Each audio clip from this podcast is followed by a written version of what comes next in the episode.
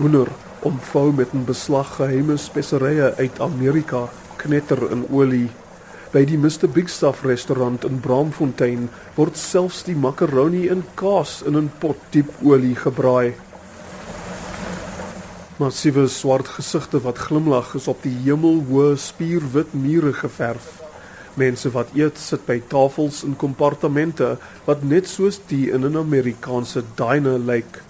Die restaurant is geleë midde in Suid-Afrika se grootste stad, maar binne voel dit soos New Orleans of Memphis.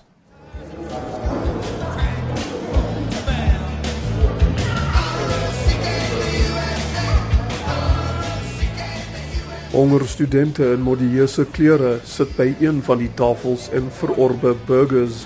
Langsaan smil twee prokureurs in swart pakke en wit valletjies hemde, wafels met hoenderfilette en 'n ryk ligbruin sous.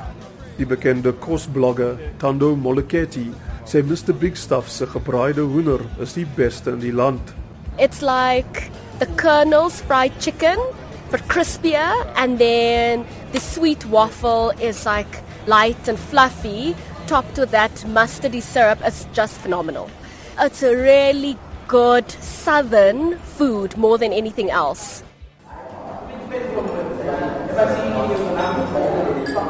Een van die restaurant se eienaars, Craig Durrant, sê hy en sy vennote wou nie net nog 'n vervelige burgerplek oopmaak nie, want Johannesburg het reeds te veel sulkes.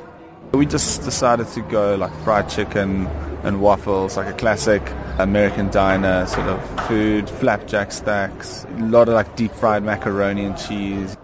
Hy sê die geheim van sy besigheid lê in 'n span chefs, meesal van Suid-Afrika, maar ook ander suidelike Afrika lande wat deur 'n Amerikaanse koskonsultant opgelei is.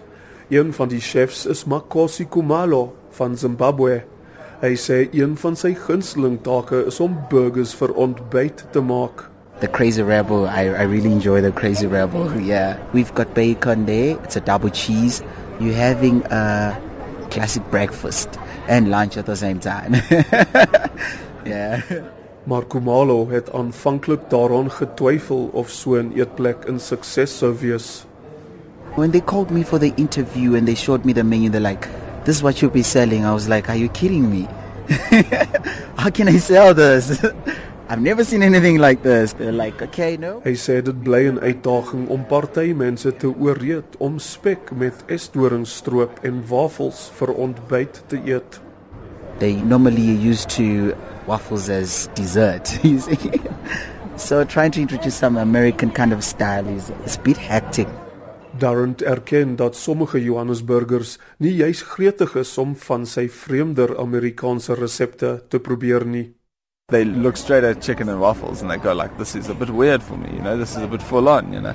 But the majority of people are really embracing the business and really making an outing to like come to this place and try like chicken and waffles with mustard syrup and yeah, we're really happy with with it so far. Mr. Chicken Cheese out so. Okay. Zeg hoi nog meer. 'n Vrou bestel nog 'n item op Mr Big Stuff se spyskaart. Moleketi sê sy bewonder die restaurant omdat dit geregte bied wat nog nie in die stad gesien is nie, soos 'n mac and cheese burger.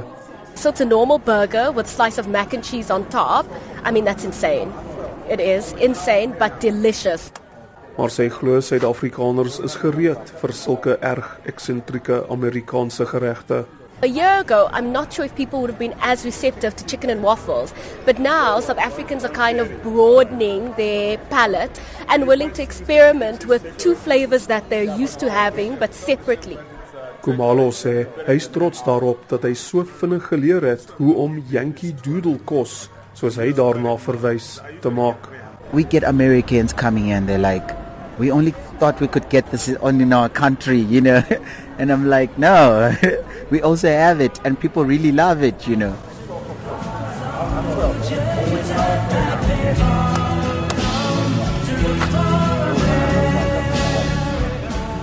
Nog mense staan tou vir Mr Big Stuff se geregte. Tipiese Amerikaanse musiek vul die restaurant. Kumalo knipoog. Hy wonder of sy baas gereed is vir een van sy nuwe resepte: diep gebraaide oesters en corn dogs. Ek is Darren Taylor in Johannesburg. One, one,